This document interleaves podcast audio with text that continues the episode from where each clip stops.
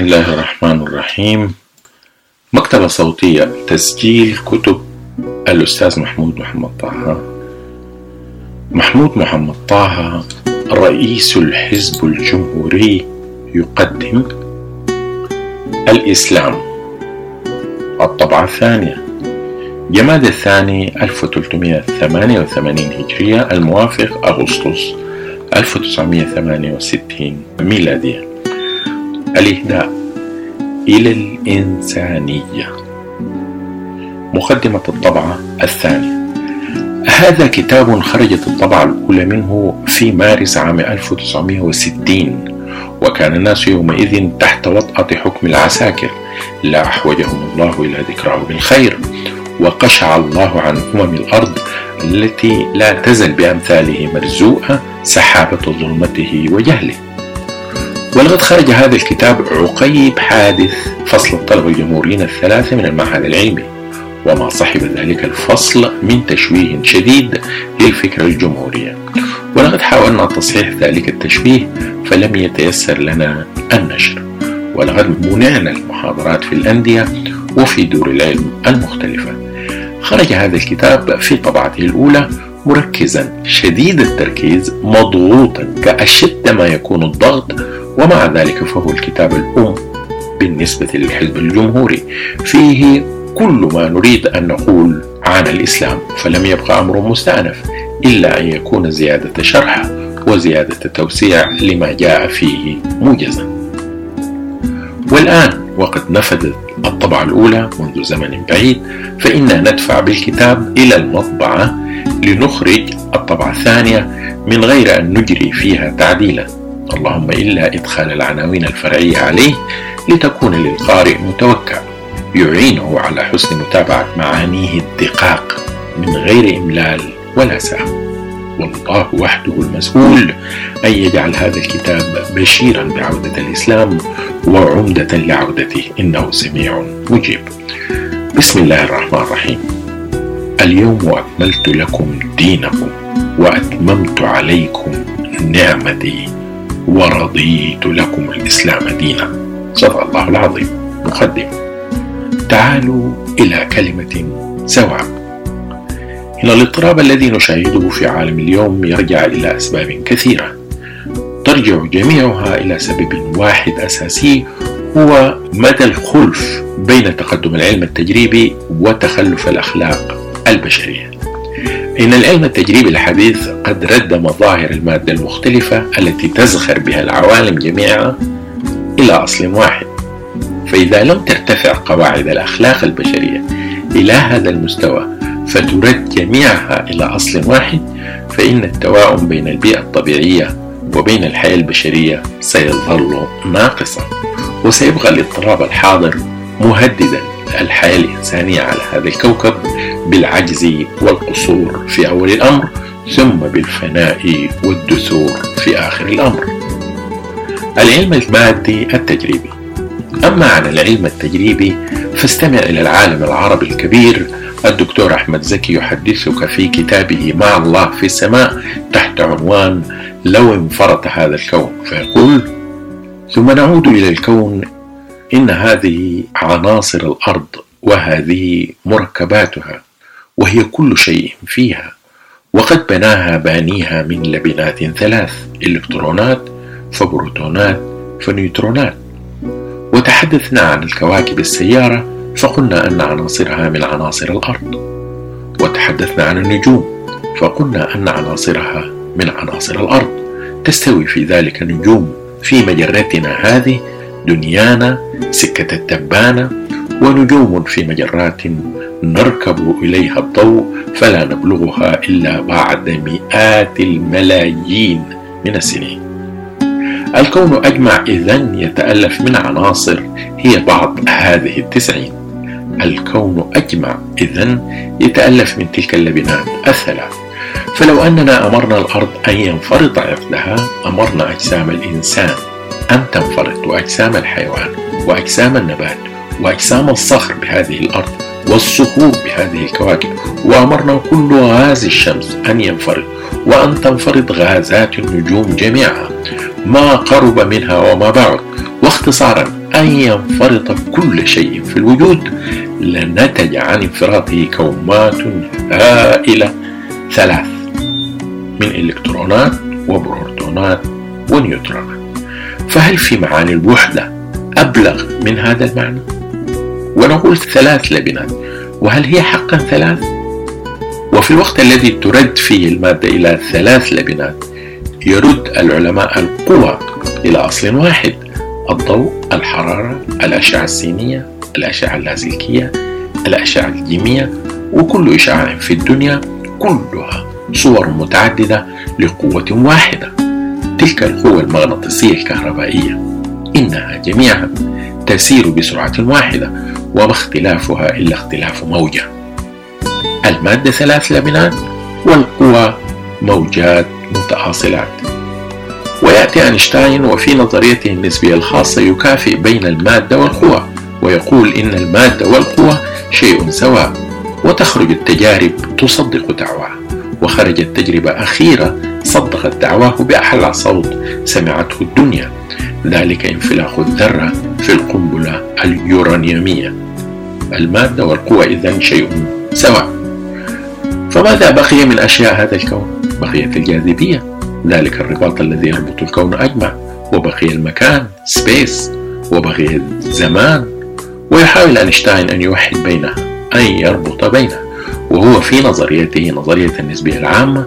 يربط بين الزمان والمكان فيجعل منهما شيئا متواصلا غير متفاصل وفي نظريته الجديدة نظرية الحقل الواحد United Field Theory يهدف أينشتاين إلى أن يثبت أن القوى المغناطيسية الكهربائية تلك التي تتمثل في الضوء والحرارة وصور الإشعاع عامة هي وقوى الجاذبية شيء سواء.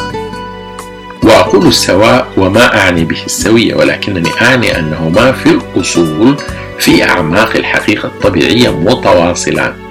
قال أينشتاين إن روح العالم النظري لا تحتمل أن يكون في الوجود الواحد شكلان للقوى لا يلتقيان شكل للجاذبية القياسية وشكل للمغناطيسية الكهربائية. وهكذا يتحلل المركب ويتبسط المعقد وتتشاكل الحقائق التي تستتر التي تتستر وراء الظواهر المختلفة وتتشابه وتجتمع كلها لتصب في مجرى واحد تلك الوحدة العظمى التي تجري في الكون أجمع. ولكن هل قضى الإنسان من ذلك وطرا؟ إن الإنسان ما زال يتساءل وما وراء كل ذلك؟ إن الإنسان إن كان وجد جوابا لبعض كيف تساءل عنه فهو ما زال يتساءل لماذا؟ وهو يسأل في شيء من الهلع الفكري والتقديس الديني قال أينشتاين. إن أعظم جائشة من جائشات النفس وأجملها تلك التي تستشعرها النفس عند الوقوف في روعة أمام هذا الخفاء الكوني والإظلام. إن الذي لا تجيش نفسه لهذا ولا تتحرك عاطفته حي كميت. إنه خفاء لا نستطيع أن نشق حجبه وإظلام لا نستطيع أن نطلع فجره. ومع هذا نحن ندرك أن وراءه شيئا هو الحكمة أحكم ما تكون. ونحس أن وراءه شيئا. هو الجمال أجمل ما يكون وهي حكمة وهو جمال. لا تستطيع أن تدركه مع عقولنا القاصرة إلا في صور لهما بدائية أولية. وهذا الإدراك للحكمة وهذا الإحساس بالجمال في روعة هو جوهر التعبد عند الخلائق. ويقول أينشتاين وهو أعلم علماء الأرض في الكون وظواهره وأحقهم بالكفر إن كان علم يدعو إلى كفر. وأولاهم باتباع ما اعتاد بعض علماء الغرب ومقلدوهم من أهل الشرق من إغفالهم ذكر الله. يقول أينشتاين إن الشعور الديني الذي يستشعره الباحث في الكون هو أقوى حافز على البحث العلمي وأنبى الحافز.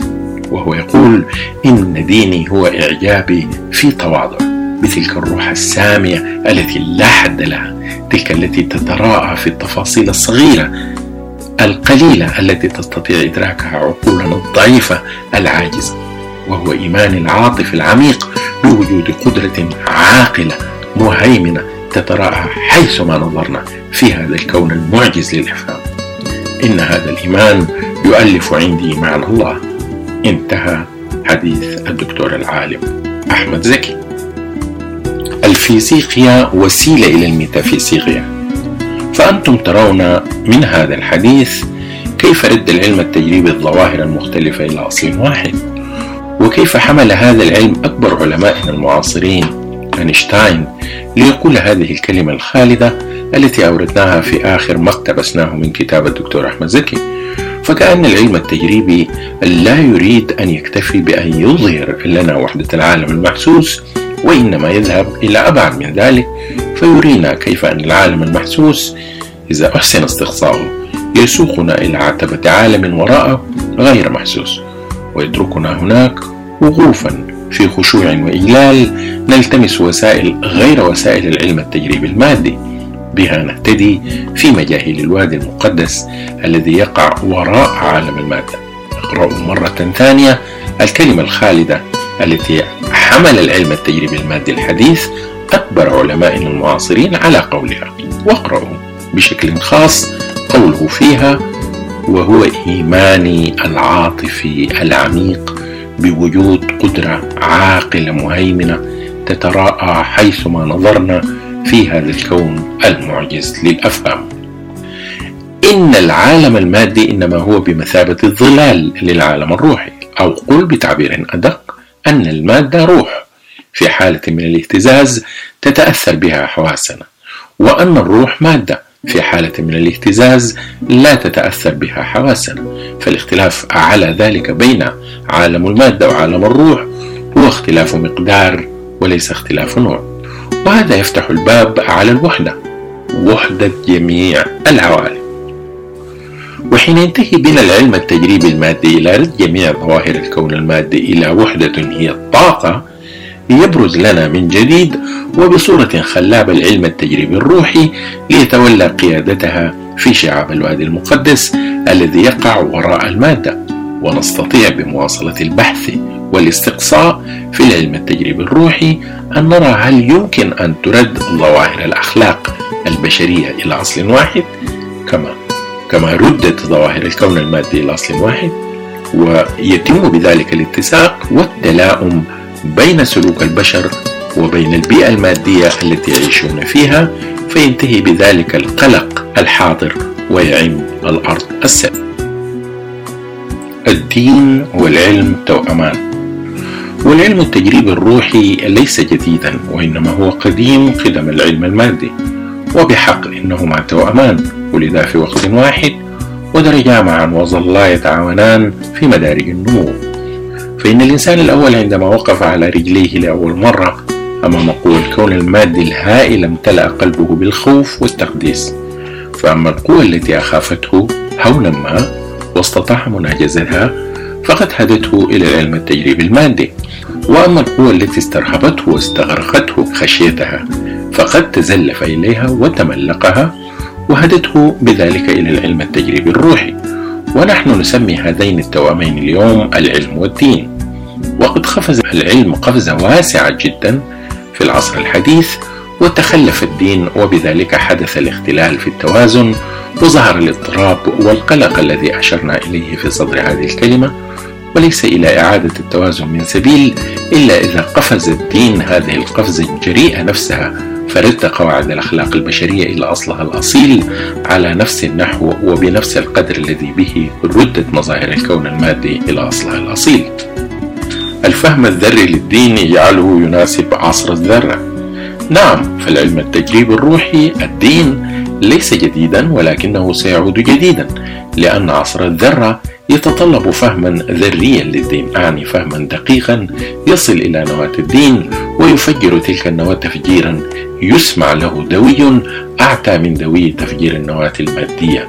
وعلى قد ساير الدين طفولة البشرية في سحيق الأماد وأحسن مسايرتها وكان بها رفيقا شفيقا يمد لها في الأوهام والأباطيل التي كانت تكتنف تفكيرها ريثما ينقلها على مكث وفي أنات من وهم غليظ إلى وهم أدق ومن باطل غليظ إلى باطل أدق. وهكذا دواليك حتى قطعت الإنسانية عهد الطفولة ووقفت اليوم في طور المراهقة تستشرف إلى عهد الرجولة والاكتمال وأصبح على الدين دور جديد هو أن يقفز بالإنسانية عبر هذا الطور القلق الحائر المضطرب طور المراهقة ليدخل بها عهد الرجولة والاكتمال ولما كان الفرق بين الطفل والرجل كبيرا شاسعا فالرجل يتحمل مسؤولية عمله بينما الطفل يطلب الحماية من تلك المسؤولية.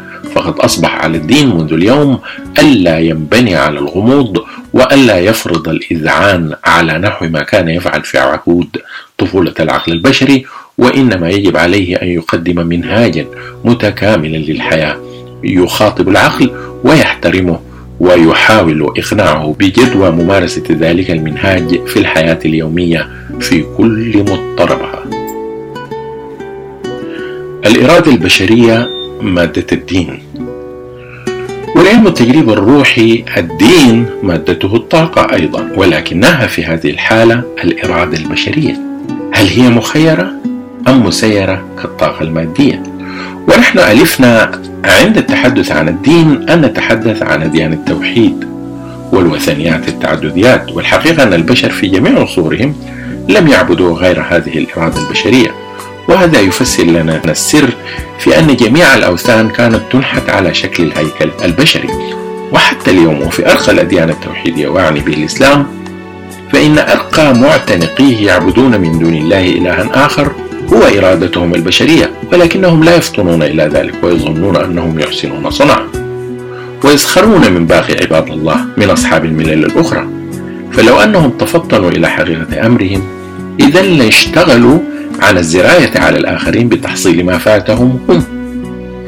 إن العالم الطبيعي الكبير أينشتاين يقف عاجزا حائرا على عتبة معضلة الجبر والاختيار ويقول فيما يحدثنا الدكتور أحمد زكي إن ديني هو إعجابي في تواضع بتلك الروح السامية التي لا حد لها تلك التي تتراءى في التفاصيل الصغيرة القليلة التي تستطيع إدراكها عقولنا الضعيفة العاجزة وهو إيمان العاطف العميق بوجود قدرة عاقلة مهيمنة تتراءى حيثما نظرنا في هذا الكون المعجز للأفهام.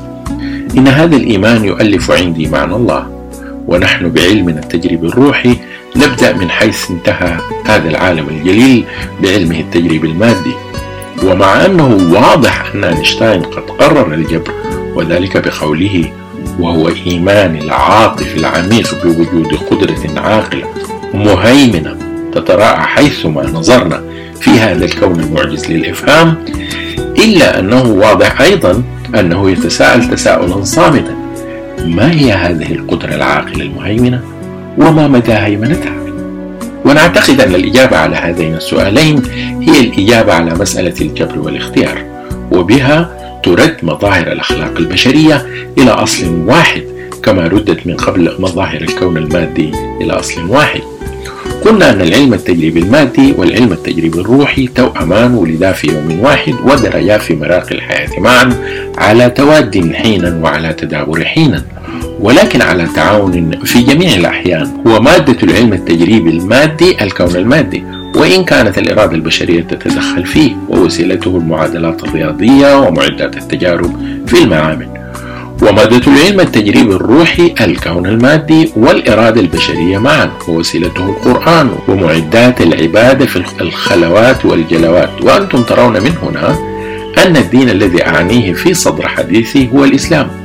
وأحب أن أعترف أني بدأت عن تصديق لأني ولدت من أبوين مسلمين ولكن التصديق لم يبلغ بي درجة التعصب والعمى فيلتوي بنتائج تجربتي وإنما استطعت بتوفيق الله أن أسير مفتوح العينين إلى النتائج التي رسخت تصديقي البدائي وانتقلت بي إلى اليقين. وسائل العلم التجريبي الروحي. ولا بد من كلمة قصيرة عن وسائل التجربة الدينية وأولها وأولاها القرآن. ونحن نسمع الناس يقولون أن القرآن كلام الله فما معنى هذا؟ إن الله ليس كأحدنا. وليس كلامه ككلامنا. بأصوات تنزل من الحناجر فتقرع الآذان. إن كلام الله خلق. فالشمس تطلع فترسل الضوء والحرارة فتبخر الحرارة الماء وتثير الرياح وتحرك الهواء وتحمل الرياح بخار الماء في سحب كثيفة إلى بلد بعيد. فينزل المطر فيروي الأرض ويحييها بعد موتها فينبت الزرع وتدب الحياة بمختلف صورها وشكولها. هذه صورة موجزة قاصرة مفككة الحلقة لكلام الله. فالقرآن صورة هذا الكلام أو قل هذا العلم مفرغ في قوالب التعبير العربية. ويظن كثير من كبار العلماء أن القرآن هو اللغة العربية وذلك خطأ شنيع وهو خطأ جعلهم يلتمسون معاني القرآن في اللغة العربية فانحجبوا بالكلمات وهم يظنون أنهم على شيء. واللغة أساسا نشأت بدوافع الحاجة اليومية في الحياة الجسدية فهي مهما تطورت فإنها تعجز كل العجز عن تحمل معنى كلام الله وهي على خير حالاتها لا تقوم منه إلا مقام الرمز والإشارة. والقرآن لا يدع لنا مجالا للشك طويلا فهو يقول ألف لام ميم ذلك الكتاب لا ريب فيه. هدى للمتقين. والإشارة هنا بذلك إلى ألف لام ميم.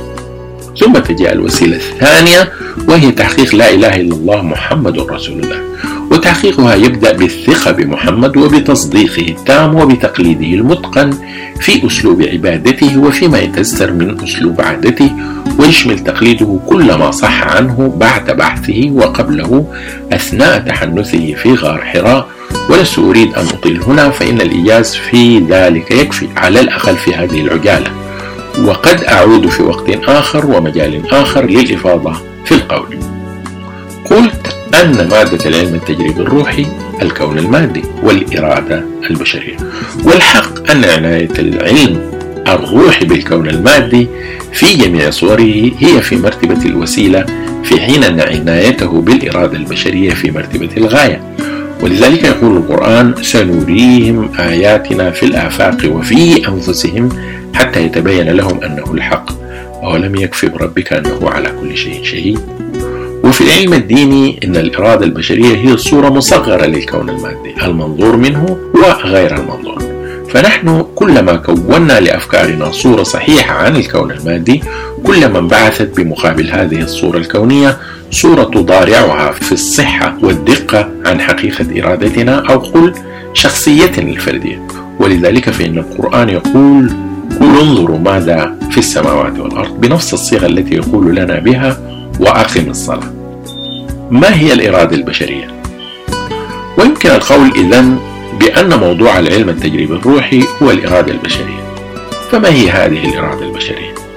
سنرجع الإجابة على هذا السؤال إلى وقت قريب ونعالج في إيجاز الإجابة على تساؤل العالم الكبير أينشتاين ما هي هذه القدرة العاقلة المهيمنة وما مدى هيمنتها؟ فأما السؤال الأول فإن القرآن يخبرنا بأنها ذات الله. أولم يروا إلى ما خلق الله من شيء يتفيأ ظلاله عن اليمين والشمائل سجدا لله وهم داخرون؟ وأما السؤال الثاني يجيبنا عليه إني توكلت على الله ربي وربكم ما من دابة إلا هو آخذ بناصيتها إن ربي على صراط مستقيم. وهكذا فإن هيمنته تعالى على الوجود هيمنة تامة لا يخرج عنها صغير ولا كبير من الخلائق في دقيق ولا جليل من حركاته وسكونه. إرادة الحياة دون إرادة الحرية. ولكن الله تعالى سير الجمادات والغازات والسوائل تسيرا قاهرا ومباشرا ثم خلق الحياة في مراتب النبات والحيوان فسيرها بإرادة الحياة وهي إرادة تعمل بدوافع البقاء للاحتفاظ بالحياة وقانونها اجتلاب اللذة ودفع الألم. وأصبح تسير الله تعالى للمخلوقات في هذا المستوى من وراء حجاب إرادة الحياة التي تتمتع بما يسمى الحركة التلقائية لأن دوافع حركتها وقوى حركتها كالمودعة فيها ثم لما ارتقى الله تعالى بالحياة إلى مرتبة الإنسان زاد عنصر جديد على إرادة الحياة. هذا العنصر هو إرادة الحرية وهو عنصر يختلف عن إرادة الحياة اختلاف مقدار لاختلاف نوع. ثم سير الله تعالى البشر بإرادة الحياة وإرادة الحرية معا وأصبح بذلك تسييره إيانا غير مباشر وتدخله في أمرنا هو من اللطف والدقة بحيث تورطنا في الوهم الأكبر وذلك باعتقادنا أننا نملك إرادة حرة مستقلة بالترك أو العمل وإليكم آية هي آية في الدلالة على لطف تدخل إرادة الله في توجيه إرادتنا. إذ يريكهم الله في منامك خليلا ولو أراكهم كثيرا لفشلتم ولتنازعتم في الأمر ولكن الله سلم إنه عليم بذات الصدور. وإذ يريكموهم إذا التقيتم في أعينكم قليلا ويقللكم في أعينهم ليقضي الله أمرا كان مفعولا وإلى الله ترجع الأمور. فانظروا إلى هذا اللطف اللطيف من جانب الإرادة الإلهية القديمة. إذ تتدخل في تسيير الإرادة البشرية المحدثة. الإرادة البشرية هي إرادة الحرية. فالنبي يرى أعداءه في منامه قليلين فيصمم على مقاتلتهم ولو رآهم غير ذلك ما قاتلهم. ثم عند اللقاء يرى فريق المؤمنين فريق المشركين قليلا فيصمم على قتالهم ويرى فريق المشركين فريق المؤمنين قليلا فيصمم بدورهم على قتالهم الله هو الذي يري النبي أعداءه في منامه قليلا وهو الذي يري كل فريق من الفريقين أعداءه قليلا ليقضي الله أمرا كان مفعولا. كل ذلك من غير أن تنزعج الإرادة البشرية ومن غير أن تشعر بتدخل خارجي في أمر من أمورها. فالإرادة البشرية هي إرادة الحرية هذه وبها تميز الإنسان عن الحيوان وهي الإرادة التي بممارستها عصى آدم ربه إذ نهاه عن أكل الشجرة فقال الله تعالى فيه فأكلا منها فبدت لهما سوآتهما وطفقا يخصفان عليهما من ورق الجنة وعصى آدم ربه فغوى.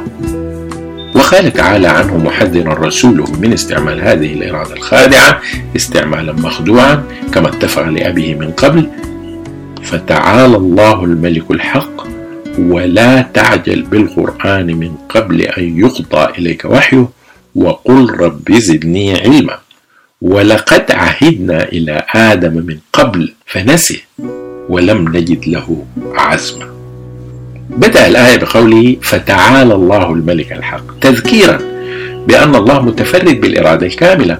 وأن الإرادة البشرية يجب أن تزعل لإرادته وتنقاد عن استسلام وعن رضا فلا تعجل أمرا قبل أن يجيء وقته لأن الله لا يعجل بعجلة أحدكم كما قال المعصوم والإرادة البشرية أو إرادة الحرية قبس من الله العظيم وإليها الإشارة بقوله تعالى إذ قال ربك للملائكة إني جاعل بشرا من طين فإذا سويته ونفخت فيه من روحي فقعوا له ساجدين.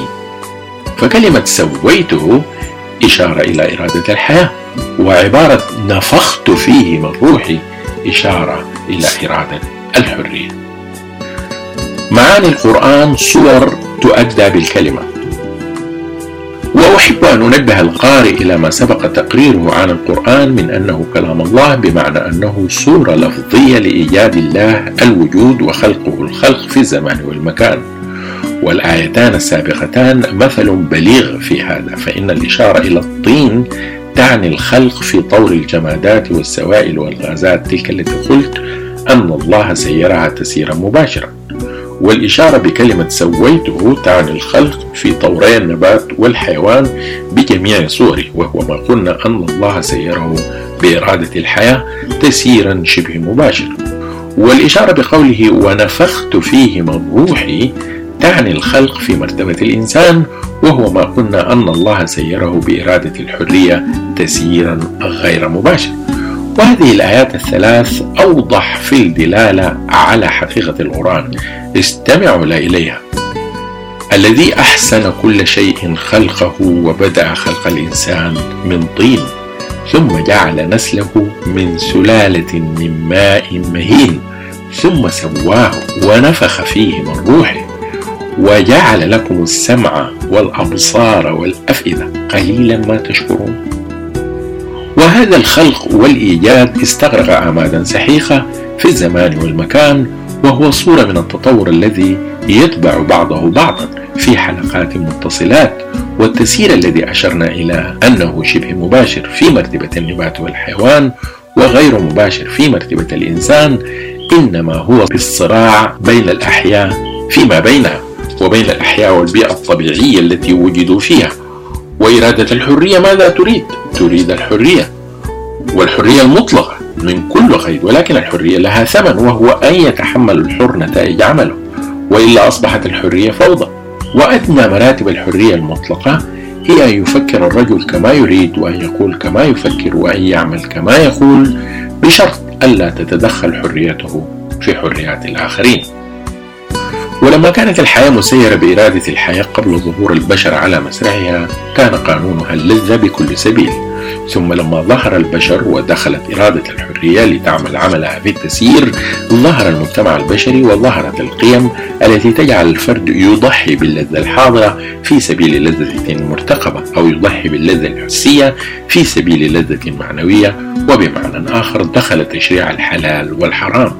أو إن أردت الدقة فقل العرف الذي يحرم أمورا ويحلل أمورا أخرى في سبيل غاية بعينها. نشأة المجتمع والقانون ونشأة الإسلام. والقصة في إيجاز هي أن الفرد البشري لما وجد نفسه أمام قوة طبيعية عنيفة هائلة لا قبل له بها وضح له أنه لا بد له من الالتجاء إلى جملة حيل بها يستطيع أن يحافظ على حياته فبنى البيوت فوق الأشجار وعلى قمم الجبال وفي الأماكن المحصنة الأخرى. واتخذ الآلة من الخشب والحجر وادخر طعامه ثم اهتدى إلى أكبر اختراع في الوجود وهو المجتمع. ولكي يكون المجتمع ممكنا قام العرف الذي هو القانون الأول. ولربما يكون أول عرف نشأ هو العرف الذي ينظم العلاقات الجنسية فيحرم الأخت على الأخ ويحرم البنت على الأب ويحرم الأم على الابن إلى آخره. وعان هذا العرف على تهدئة الغيرة الجنسية التي كانت تفرق الأسرة البشرية كلما بلغ الأبناء فيها مبلغ الرجال. فقد أصبح بعد هذا العرف من الممكن أن يتعايش في منزل واحد وفي منازل متجاورة الأب والابن البالغ والصهر والابن المتزوج وكل منهم آمن على زوجته من الآخرين. ولربما يكون العرف الذي ينظم احترام الملكية الفردية قد نشأ مع هذا العرف من الوهلة الأولى. فإنه في المجتمعات البدائية لا فرق كبيرا بين ملكية الزوجة وملكية الآلة أو الكهف وإذا كان لابد للمجتمعات الصغيرة أن تعيش في وئام تصيد معا وتحارب معا وتقابل ظروف الأيام متحدة فإنه لا بد من هذين العرفين اللذين ينظمان السلوك في الجماعة ويصونان كيانها وليس معنى هذا أن المجتمعات نشأت بصورة واحدة في كل مكان ولكنه مما لا شك فيه أن المجتمع البشري حيث نشأ فقد نشأ حول طائفة من العادات والعرف الذي ينظم علاقة الأفراد ببعضهم البعض. وبهذا العرف دخلت إرادة الحرية في صراع مع إرادة الحياة. ذلك بأن الفرد البشري قد رضي طوعا أو كرها أن يتنازل للمجتمع عن قسط من حريته ليستمتع بباقيها بفضل حياته في مجتمع يحميه ويعينه. وتنازله عن هذا القسط من حريته ينظمه العرف وما تفرضه أوضاع مجتمعه. وأصبح عليه أن يسيطر على نفسه وأن يمنعها مما يمنعها منه القانون الذي سنه مجتمعه. وكلما انتصر الفرد على هذا الصراع على غرائزه البدائية كلما قويت إرادته وانتقلت لذاته من اللذة الحسية العاجلة المحرمة إلى اللذة الحسية التي ينظمها العرف ويقرها بعد استيفاء قواعده أو تنتقل لذته من حسية عاجلة إلى معنوية عاجلة أو مؤجلة كرضا المجتمع عنه وثناؤه عليه أو كرضا الآلهة عنه ومجازاتها إياه في هذه الحياة أو في الحياة المقبلة. ولما كان الفرد البشري الأول غليظ الطبع قاسي القلب حيواني النزعة فقد احتاج إلى عنف عنيف لترويضه. وكذلك كان العرف الاجتماعي شديدا عنيفا إلى الحدود التي تضحي بحياة الأفراد على مذابح معابد الجماعة استجلابا لرضا الآلهة أو دفعا لغضبها. وهذا العنف العنيف اضطر الفرد البشري ليسيطر على نزعاته وليكبت في صدره كثيرا من رغائبه التي لا يقره عليها العرف ولا ترضاها الآلهة. وفي نفس الوقت الذي خدم فيه العرف الأول للفرد بأن قوى إرادته وسيطرته على نفسه خدم المجتمع بأن صان حقوقه وجعل تماسكه وتضامنه ممكنا. ولقد سار المجتمع من تلك البداية سيرا وإيدا وسار معه الأفراد. وكلما ترقى المجتمع كلما قلت التكاليف الباهظة التي يفرضها على حريات أفراده بواسطة عرفه وقوانينه وأديانه وسنرى ذلك بعد قليل عند الحديث عن مرحلتي اليهودية والإسلام. ومنذ نشأة العرف الأول نشأ الإسلام وذلك لأن الفرد البشري بدأ في هذا الطور يدرك أن إرادته ليست حرة وإن كان هذا الإدراك يكاد يكون لا شعوريا. ولست أريد أن أتابع مراحل الإسلام من هذه البدايات ولكني سأقفز قفزة واحدة إلى مراحله الثلاث الأخيرة اليهودية والمسيحية والإسلام. فأتحدث عنها في شيء يسير من الإطناب ذلك لأن هذه العجالة لا تحتمل التطويل. ولكني قبل أن أنصرف إلى هذه المراحل أناقشها أحب أن أقرر هنا أن الإسلام كدين فكرة واحدة كبيرة تشمل البداية والنهاية وقد بدأ يوم وقد بدأ يوم بدأ الصراع بين إرادة الحياة وإرادة الحرية وهو ما أسميناه بنشأة العرف. وهذه الفكرة لا تزال تواصل سيرها وتبلغ نهايتها. على هذا الكوكب يوم يحقق الأفراد البشريون السلام كل مع نفسه وذلك بتسليم إرادتهم المحدثة إلى الإرادة القديمة. وسنعود إلى هذه العبارة في نهاية هذه العجالة. ولتقرير أن الإسلام كدين في عمر البشرية فكرة واحدة كبيرة تشمل البداية والنهاية يمكن أن ننظر في الإسلام في عمر الفرد البشري. فإنه من المقرر أن حياة الفرد البشري تحكي بصورة عاجلة حياة النوع كله. فالإسلام في عمر الفرد البشري يبدأ بالقول باللسان والعمل بالجوارح ثم يترقى حتى يصبح إذعانا واعيا وانقيادا راضيا بإرادة الله وحسن تدبيره. وأول مراتب ترقيه بعد الإسلام الإيمان ثم الإحسان بمراتبه الثلاث ثم الإسلام من جديد. وهذه الآيات الكريمات تفيدنا في هذا الباب. قالت الأعراب آمنا قل لم تؤمنوا ولكن قولوا أسلمنا. ولما يدخل الإيمان في قلوبكم. فالإسلام هنا هو البداية التي هي مرحلة دون مرحلة الإيمان. ثم اسمع هذه الآية الكريمة. يا أيها الذين آمنوا اتقوا الله حق تقاته ولا تموتن إلا وأنتم مسلمون. والإسلام هنا هو نهاية المطاف ولقد ندب إليه المؤمنون فلم يطيقوه فلما بدا عجزهم خفف الله عنهم فنزل فاتقوا الله ما استطعتم واسمعوا وأطيعوا. فاستبدل لهم تقوى الله حق تقاته بما يطيقون واستبدل لهم الإسلام الذي هو تسليم الإرادة المحدثة إلى الإرادة القديمة ومن يسلم وجهه إلى الله وهو محسن. فقد استمسك بالعروة الوثقى استبدل لهم هذا الإسلام بالسمع للنبي والطاعة وهي مرتبة سامية ولا ريب. ولكنها دون الإسلام الذي عناه الله بقوله ومن يبتغي غير الإسلام دينا فلن يقبل منه وهو في الآخرة من الخاسرين. الإسلام بين اليهودية والنصرانية. وهذه الفكرة الإسلامية الكبيرة جاءت مرحلة اليهودية في طرف البداية منها وجاءت المسيحية في طرف النهاية. وجاء الإسلام وسطا بين اليهودية والنصرانية فإن المسيح قد قال لتلاميذه لا تظنوا أني جئت لأنقض الناموس أو الأنبياء. ما جئت لأنقض بل لأكمل.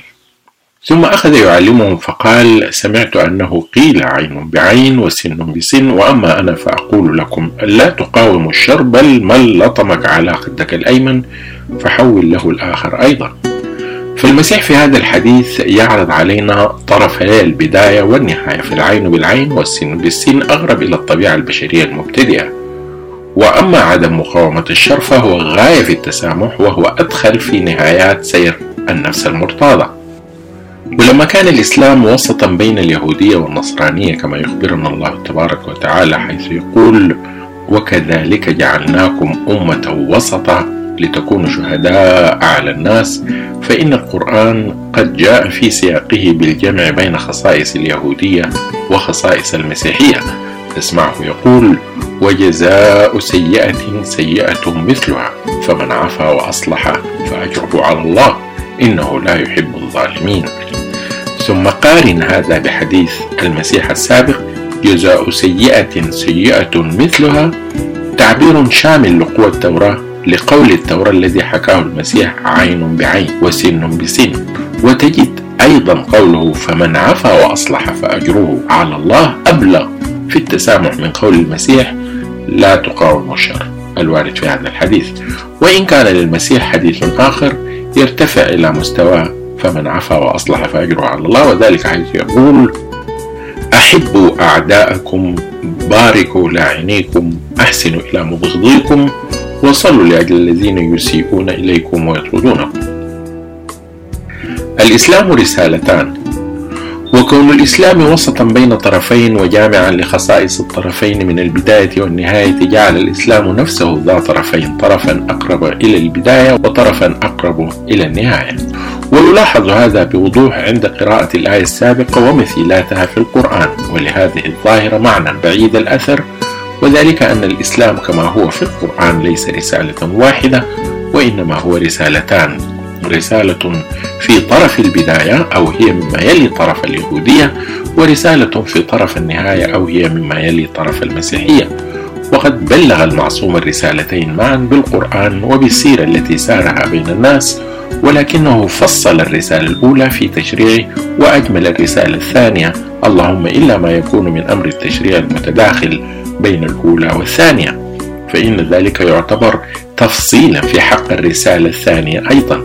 ومن ذلك بشكل خاص تشريع العبادات جميعه وظاهرة الرسالة الأولى أنها تبدأ بقول لا إله إلا الله محمد رسول الله. وتنتهي بقول لا إله إلا الله محمد رسول الله. فهي كالصورة الفوتوغرافية الثابتة إلا قليلا. وأما ظاهرة الرسالة الثانية فإنها تبدأ بقول لا إله إلا الله محمد رسول الله وتنتهي بقول لا إله إلا الله المجردة.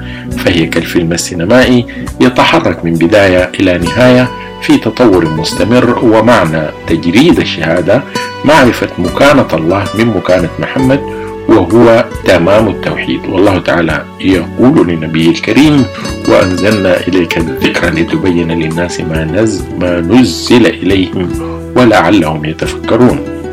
والمتأمل في هذه الآية الكريمة يدرك كيف أن الإسلام رسالتان. فإن أول الآية وأنزلنا إليك الذكر يعني الرسالتين معا الأولى والثانية. ووسط الآية لتبين للناس ما نزل إليهم يشير إلى تفصيل الرسالة الأولى التي هي كما قلنا أقرب إلى جانب البداية.